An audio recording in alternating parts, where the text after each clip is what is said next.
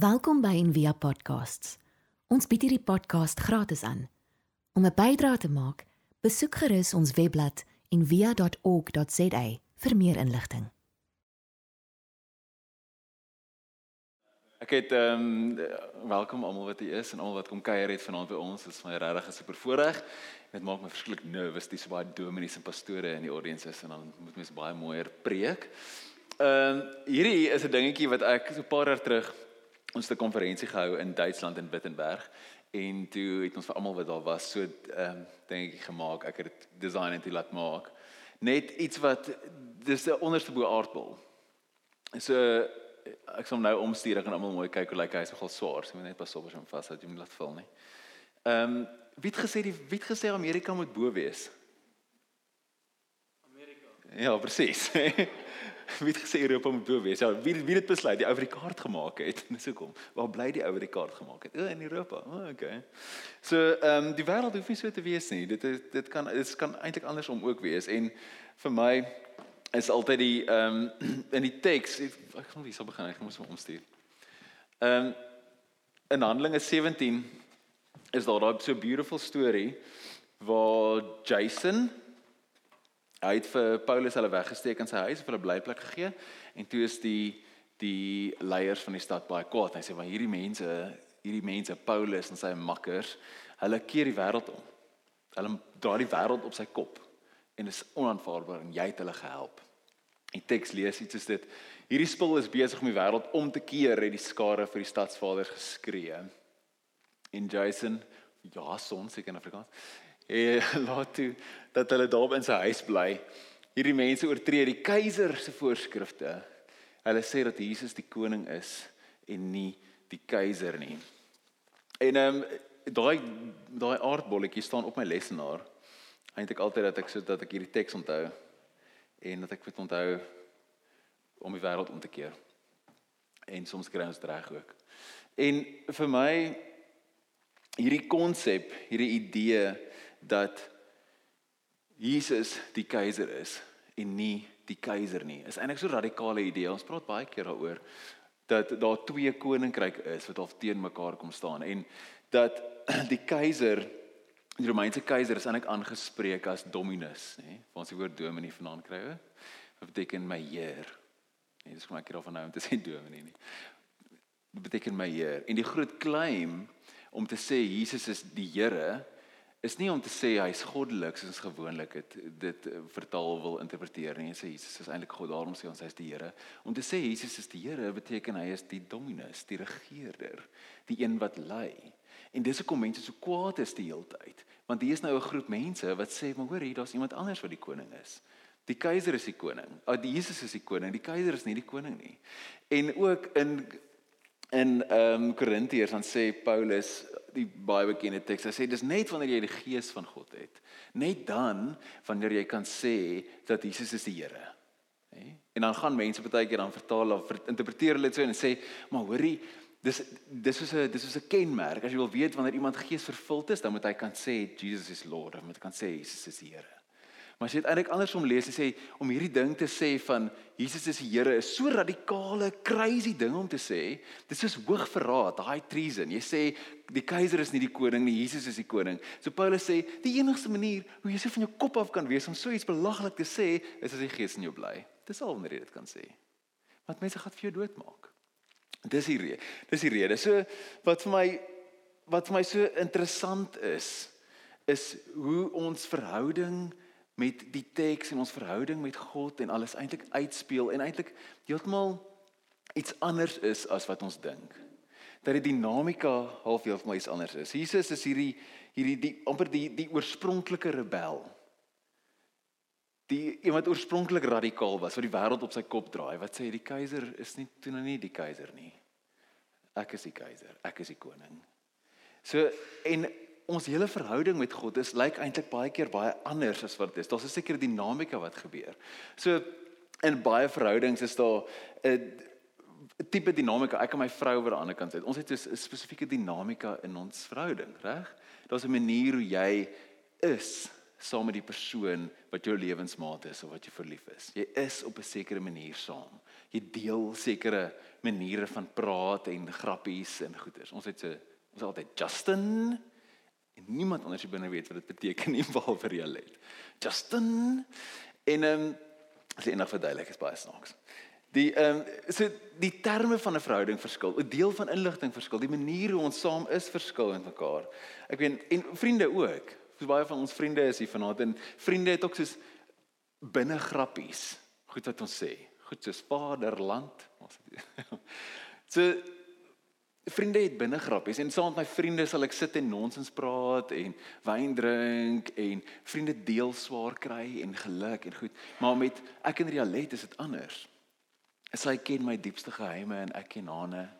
Sy is die een wat my mag vasvat as ek droog maak en sy is die een wat die stukke optel wanneer ek uitmekaar uitval en sy is iemand wat my ondersteun. So die dynamic is soos heeltemal iets anders. En die vraag dan is is my so in hierdie onderste bo wêreld, in hierdie wêreld wat Jesus omkeer en wat sy volgelinge omkeer, hoe lyk my verhouding met God dan? Hoe verstaan ek eintlik my verhouding met God? En die teks wat ons gelees het is ook 'n interessante kyk daarna. Dit is 'n bietjie moeilike vertaling, soos vir dalk gesê het. Dit is so, daai's bietjie wild en hard. En om te sê maar daar is wat die teks sê, daai teks ook is is daar is 'n sekere manier hoe om die lewe te verstaan. En baie keer verstaan ons die lewe, ons dink ons het dit reg op, maar eintlik is dit onderste bo. Eintlik is dit andersom. En daar's plekke en tye wat jy wat jy moet kies en sê maar ek is hier en ek is nie daar nie. En ons hou baie keer daarvan te dink dat almal is eintlik goed en almal is mooi en almal is perfek. Totdat jy kinders kry dan weet jy hulle is nie almal perfek en almal mooi en nice nie. En dan weet jy daar's evil in elke persoon. Nee, en dat ons moet kies. Dat daar 'n keuse is, jy kies lewe, dood. Hierdie kant toe gaan of daai kant toe gaan. So ek dink dis waarvan Psalm 1 praat op 'n op 'n sekere manier is. Wil jy deel wees waar die boom staan waar sy wortels diep in die Hey, dit explains. So die mense wat laat kom word uitgeroep. Uh die ehm um, en ek dink so ons het ons het 'n tipe dinamika met God en iets wat ons in kan of instap of nie. Ons kan kies of nie. En die mens oor die eeue heen van van altyd af. Ek dink dat dit vandat ons half wakker geword het uit ons slaap uit en die eerste keer besef dat ons is en ons bestaan en ons kan onsself sien en ons kyk op na die sterre en ons besef ons dalk is ons nie alleen nie. Dalk is daar meer, daar moet iets meer wees. Ek dink saam met bewustheid of awareness kom 'n groot deel angs. Want eerslik besef jy hoorie maar wie's in beheer hier? En dit is eintlik ons almal se vraag. Ek dink van die dag ons gebore is tot die dag ons doodgaan, is een vraag wat ons almal wil weet, is wie's in beheer? Want sekerlik moet iemand in beheer wees. En van vroeg af is dit die mense struggle, se worstel, is daai daai restlessness. Ronald Rolheiser sê ook restlessness is part of be what it is to be human. Om so half rusteloos te wees en te soek en te kyk. En van die begin af het mense die gode aanbid en gesê maar die die sterre dit moet dit, dit moet in beheer wees of die son of die wolke die weer die die dit wat reën bring vir ons lande dit moet in beheer wees. So ons moet dit paai en die mense het uitgefigure baie vroeg het ons uitgefigure hoorie maar weet jy wat werk? As ek as ek as ek 'n offer bring as ek iets as ek iets opoffer iets sacrifice nee so as ek nou as ek nou was nou groot bok geskiet vandag en as ek nou nie alles opvreet vandag nie nê en ek offer dit nou op en ek bære nou 'n stukkie vir 'n ander dag, dan is dit beter dan daai dag, nê? Nee? Op 'n baie dink nou soos 'n baie baie baie lae vlak, die eerste mense wat regop gestaan het en iets raak geskiet het, nê? Nee? Daai mense. Dit soos as ek nie alles opvreet vandag nie, dan het ek môre nog. Nê? Nee? Dis sacrifice. Nou en dan kom jy agter, my nou is môre beter. So as ek dit aanhou doen, dan gaan dit dalk meer beter wees môre. Maar dalk is daar 'n manier en ek dink so het ons hierdie idee van offer en om offers te bring en goederes op te offer ingebou binne in ons stories en ons mites en dit raak gesien in die natuur en dit raak gesien in die heelal en die mense het offers gebring. En offers is hierdie manier om die toekoms te verseker. Dit sê as ek dit nou opoffer dan garandeer ek iets mooi môre. En as ek dit doen op 'n kosmiese skaal, dalk as ek iets opoffer, hierdie beste lammetjie van my, dan gaan dan gaan die God maak dit reën of dan gaan hy nie kwaad raak nie en my oes met haal slaan nie.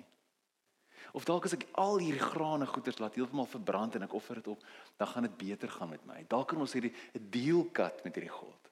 En so het die mens offers gemaak die heeltyd. En deur die eeue heen gegaan. En dit is vir my so beautiful eintlik dat dat dat die uh, Judaïsme en die Christen storie begin binne in hierdie wêreld. Hierdie middel mediterrane wêreld waar offers gebring word op baie verskillende maniere. Dit is in daai wêreld waar dit begin bestaan. En die Israeliete en die Jode en hulle begin ook offers bring. Deel van dit. Deel in daai wêreld, maar dit is anders as wat die res van die wêreld se offers lyk. Waar die res van die wêreld se offers is soos ons doen dit sodat ons die God kan paai, sodat ons kan sê hoor maar ons doen X, daarom moet jy Y doen. Ons het hierdie gedoen, daarom moet jy dit doen. Lyk dit anders? En die God van die Jahwe, die God van die van die Israeliete sê anders. Hy sê ja Jesaja 1 dan sê hy Wat het ek en julle baie offers vra die Here. Ek is sat van brandoffers van ramme en die vet van voerbeeste en die bloed van bulle en die lammers en bokke staan my nie aan nie. Ek wil dit nie hê nie. Dit is dis nie waar hierdie gaan nie. Ek is anders. Jy kan my nie paai met dit nie. En dis wat so so beautiful is van die storie. Is dat God het dit nie nodig nie. God wil dit nie hê nie.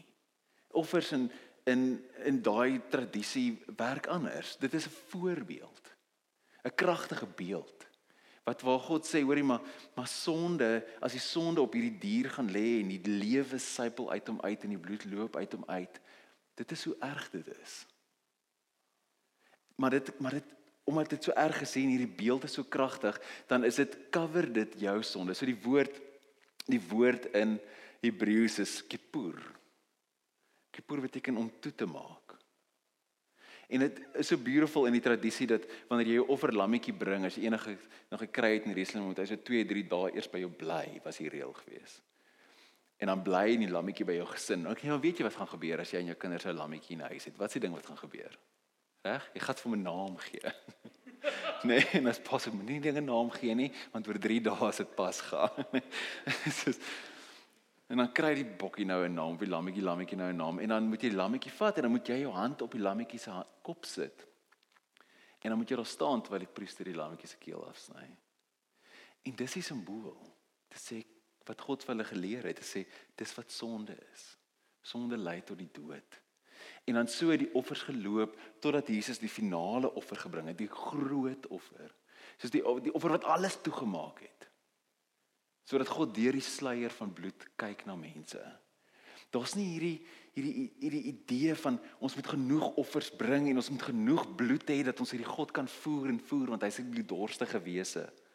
Piet sê ek vanoggend as hy preek te sê wat Jesus het net gekom het en gesê hoorie hoorie hoorie moenie asseblief moenie hulle straf nie ek sal dit doen ek sal dit doen ek sal dit doen. Nee dis nie wat die storie is nie. Dis wat die wat ander stories dalk vertel. Want dis nie die storie wat ons vertel nie. Ons storie is heeltemal andersom. Heeltemal iets anders. Iets wat toegemaak is, Kippur. Ons het gewoonlik so so drie beelde van God. Ek almal wat gereeld kom, jy weet ek like van prentjies van God. So ons ons praat in in Afrikaanse kultuur, ons het so drie. Ons het God, nê? Nee? Alles hoofletters. God, nê? Nee? Met respek. En God is daar bo, ver. En hy sit in die hemel en hy kyk dat jy net alles mooi regloop. En dan het ons Jesus die Jesus is die kinderoppasser. Jesus en die kindertjies. Liewe Jesus, wat maklik is. Liewe Jesus wat jou kinders by die speursel oppas, wie sien toe gaan. Daai Jesus. Nee, mooi maklik verteerbaar gewoonlik blond en sweets. Dan het ons ook dan het ons Jesus op die kruis. Hè? Nee? Die kruis en dis ons drie beelde. Dis wat ons gewoonlik het in ons in ons Afrikaner, dom Afrikaners kultuur en die 'n beeld wat wat rar is is die Vaderbeeld van God iets wat ons nie so baie sien nie. En ek dink dis seker omdat so baie van ons het nie baie goeie ervarings met vaderfigure nie. Dis eintlik vir my altyd so ironies dat hoekom hoekom kies God om homself bekend te stel as 'n vader as so baie vaders so sleg is. En ek dink as ons as ons 'n nasie is wat grootgemaak word deur oumas en enkelmaas. Hoekom kies God daai beeld? Hoekom doen hy dit? En ehm um, hoekom het hy nie liewer moeder gekies nie of uitsluitlik moeder gekies nie? Maar tog is dit hoe Jesus hom aanspreek ook as Abba, as Pa. En eh, dat hy hom sien ook as hierdie liefdevolle vader en dit is vir ons so moeilik. En maar eintlik, ek dink die ironie is as jy 'n afwesige pa gehad het of 'n slegte pa of iemand wat nie altyd daar was nie of nou nie gedoen het wat hy moet doen nie, dan is dit eintlik makliker vir jou om te weet wat 'n goeie pa is. So 'n vriend van ons altyd, hy sê altyd toe ons swanger geword met Noah toe hulle het eerste kind gehad. Dis ek van hoor hierdie is my soos flippin scary. Wat hoe doen jy dit? Wat doen jy? Ek weet wat om te doen. Hy sê so nie. Hy sê nee man, dit is baie maklik. Jy doen net alles wat jou pa nie gedoen het nie. ek sê o, okay. Nee, nee ek spot. Ehm so en dit is eintlik maklik. As jy weet hoe dit nie moet wees nie, dan weet jy beter hoe dit is as meeste van ons of hoe dit moet wees. En om 'n 'n vader te hê wat wat beskerm, wat wysheid deel, wat voorsien, wat liefhet, wat troos, wat grense stel. Hierdie beeld van 'n vader wat omgee oor jou.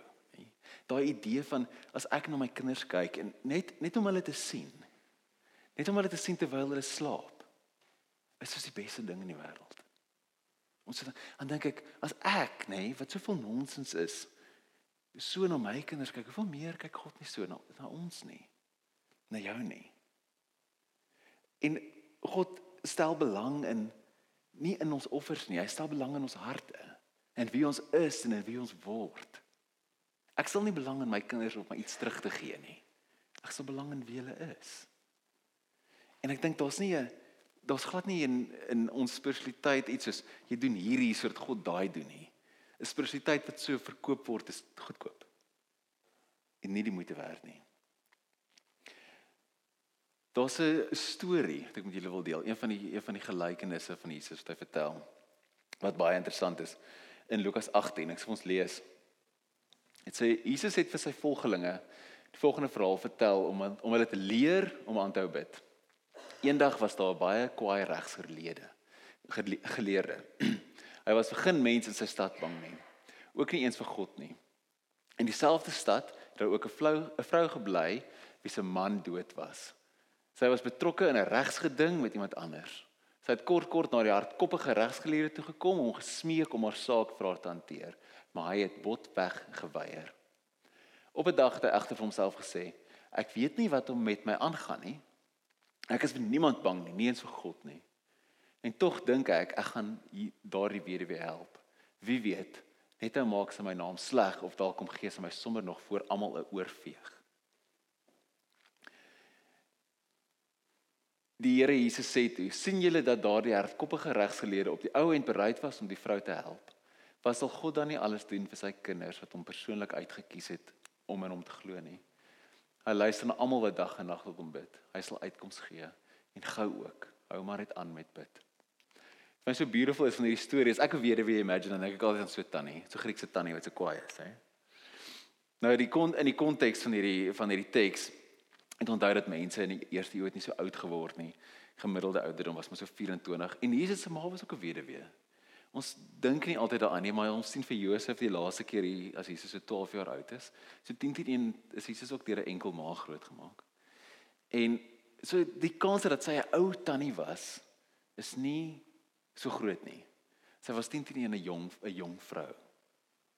En ehm um, weduwee sê dit nie hy regtig baie breed gehad in die eerste eeu nie. So as jy 'n weduwee was, as jy het, was dan getroud met jou man, dan het jy by sy familie gebly en as jou man nou doodgaan, dan het daai dan moes daai familie nou vir jou sorg en hulle het dit nou nie so so baie daarvan gehou nie. Want as daar nou geld was wat nou jou man se was, dan gaan dit na jou toe, maar jou familie bestuur dit. En dan het ons baie stories in die tekste in die antieke tekste wat sê dat weduwees is baie keer gebruik so slawe of sommer as 'n slaaf verkoop, nê? As jy gedink het jou skoon familie is erg. Hierdie is is Sorry, ons sien is nou dood, so jy ons gaan 'n bietjie cash van jou afmaak. Is daar sommer slawe verkoop of hulle is hulle is behandel soos diensknegte, behandel soos slawe in hulle skoonfamilie se huise. Of hulle kon teruggegaan het na hulle familie toe, maar dan moes die skoonfamilie al die geld terugbetaal wat hulle gekry het, hè? En jy weet hoe love mense het om geld terug te betaal. So nee, daai het nie gebeur nie. En weduwees is baie geviktimiseer en dit swaar gegaan met hulle. En ook en ons sien dit in hierdie teks ook dat die die regter in die van die ander vertaling sê hy was oneerlik. En baie regters in Jesus se tyd was oneerlik en kon jy sommer maklik onkoop. En dan wat so interessant is van hierdie storie is hy hou aan en aan en aan. En nog 'n rede hoekom sy nie dalk so oud is nie, want 'n regter gaan mos nie bang wees vir ou tannie nie. Nee, hier is soos 'n feisty jong vrou wat na hom toe kom en sê ek weier, ek gaan nie ophou nie. En ek dink baie keer wat ons doen met hierdie teks, ons sê ehm um, ons ons sê weet jy wat, jy moet net aanhou. Jy moet net jy moet net aanhou, jy moet net aanhou en aanhou en aanhou en aanhou en aanhou. En ons moet net God se deur afbreek met ons gebede. As ons meer mense kry, nê, as ons meer mense kry, ons maak die plek vol, dan dan gaan dit werk, nê. Stuur daai gebedsketjie aan, nê, nou WhatsApps loop. Nee, want as ons baie dan dan gaan God luister. Nee, as ons nog offers bring, nog bloed, nog, dan dan gaan God. En dit kan my so baie kwaad maak. Nee. Want dis nie dis nie wie God is nie. Dis nie dis nie wie hy is nie. God is 'n liefdevolle Vader. My kinders gaan nie my deur moet afbreek vir my om vir hulle iets te gee nie. En ek dink baie keer is ons so ons 'n gebed is ook so ons is te bang om vir God te vra dalk want goed gebeur nie altyd soos ons wil nie en dan en dan maak ons gebed ook so ons maak dit so sag en ons sê goed soos gebed verander vir jou. Ons sê dis mooi. Maar God is 'n liefdevolle Vader, hy wil ook vir jou goed gee. Hy sê as jou kind vir 'n brood vra, gaan hy vir jou klip gee nie. En ek dink ons ons maak ook te min daarvan. En Jesus baie daarvan gemaak het wat hy gesê het om ons bid. Ons bid en ons vra vir God dat hy ons help. Want hy is ons Pa. En ons het al so baie keer so weggestaan en weggebreek of is al so oortuig dat God nie 'n liefdevolle Pa is nie, dat ons nie meer bid vir goed om te verander nie. So 'n vriendin van my, ek lees in die week, toe skryf sy, um, most of us discover early on that it's safer to hide behind prayers that can't be measured. Petitions so nebulous they don't require intervention from God. En dit is so hartseer wanneer dit gebeur. Wanneer ons ophou God sien as 'n pa, as 'n liefdevolle pa. Wanneer ons hom sien as 'n as 'n kwaai pa of iemand wat moet oortuig word of ingechat word of omgekoop word. En daai daai daai daai teks gaan nie oor jy moet soos die weduwee wees en nog harder bid nie. Maar Jesus sê, hoeveel te meer sal God dit nie vir jou gee nie.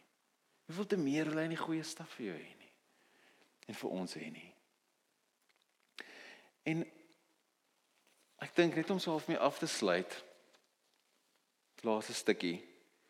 Ek hierdie metafoor en hierdie beautiful idee van God as 'n pa. Paulus, wanneer hy skryf in sy briewe, aan die begin van sy briewe is dit altyd vir my so mooi.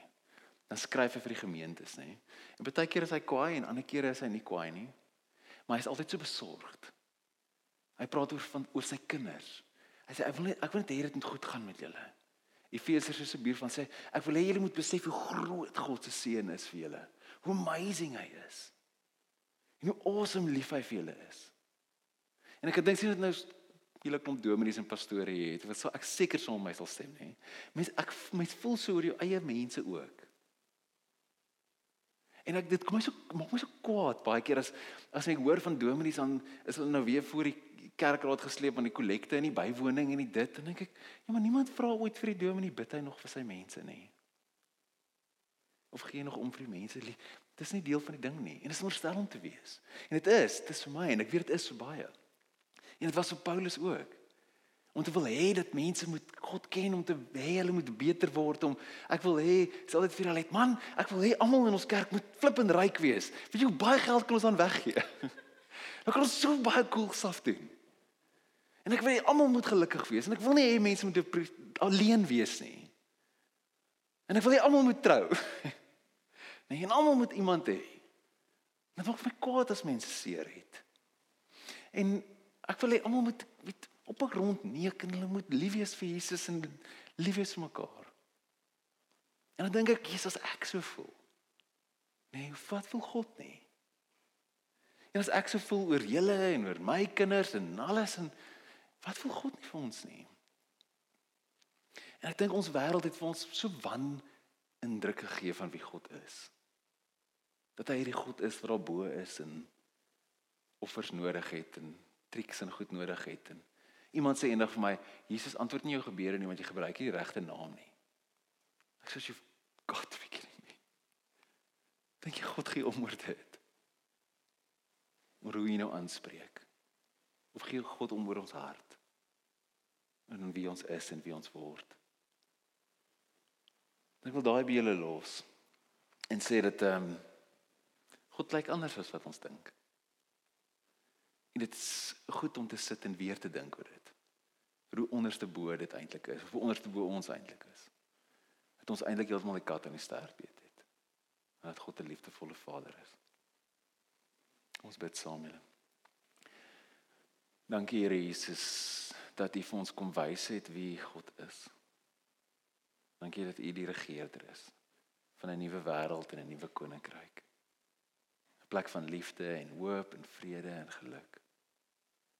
Help ons om ons wortels diep in te grawe in dit in. In die stroom in waar U woorde is en die lewe is. Help ons om te kies. Help ons om te sien. Help ons om te kyk en te sien dat U vir ons lief is. Ek loof U naam. Amen. Ons hoop van harte jy het hierdie podcast geniet of raadsaam gevind. Besoek gerus en via.ok.za vir meer inligting.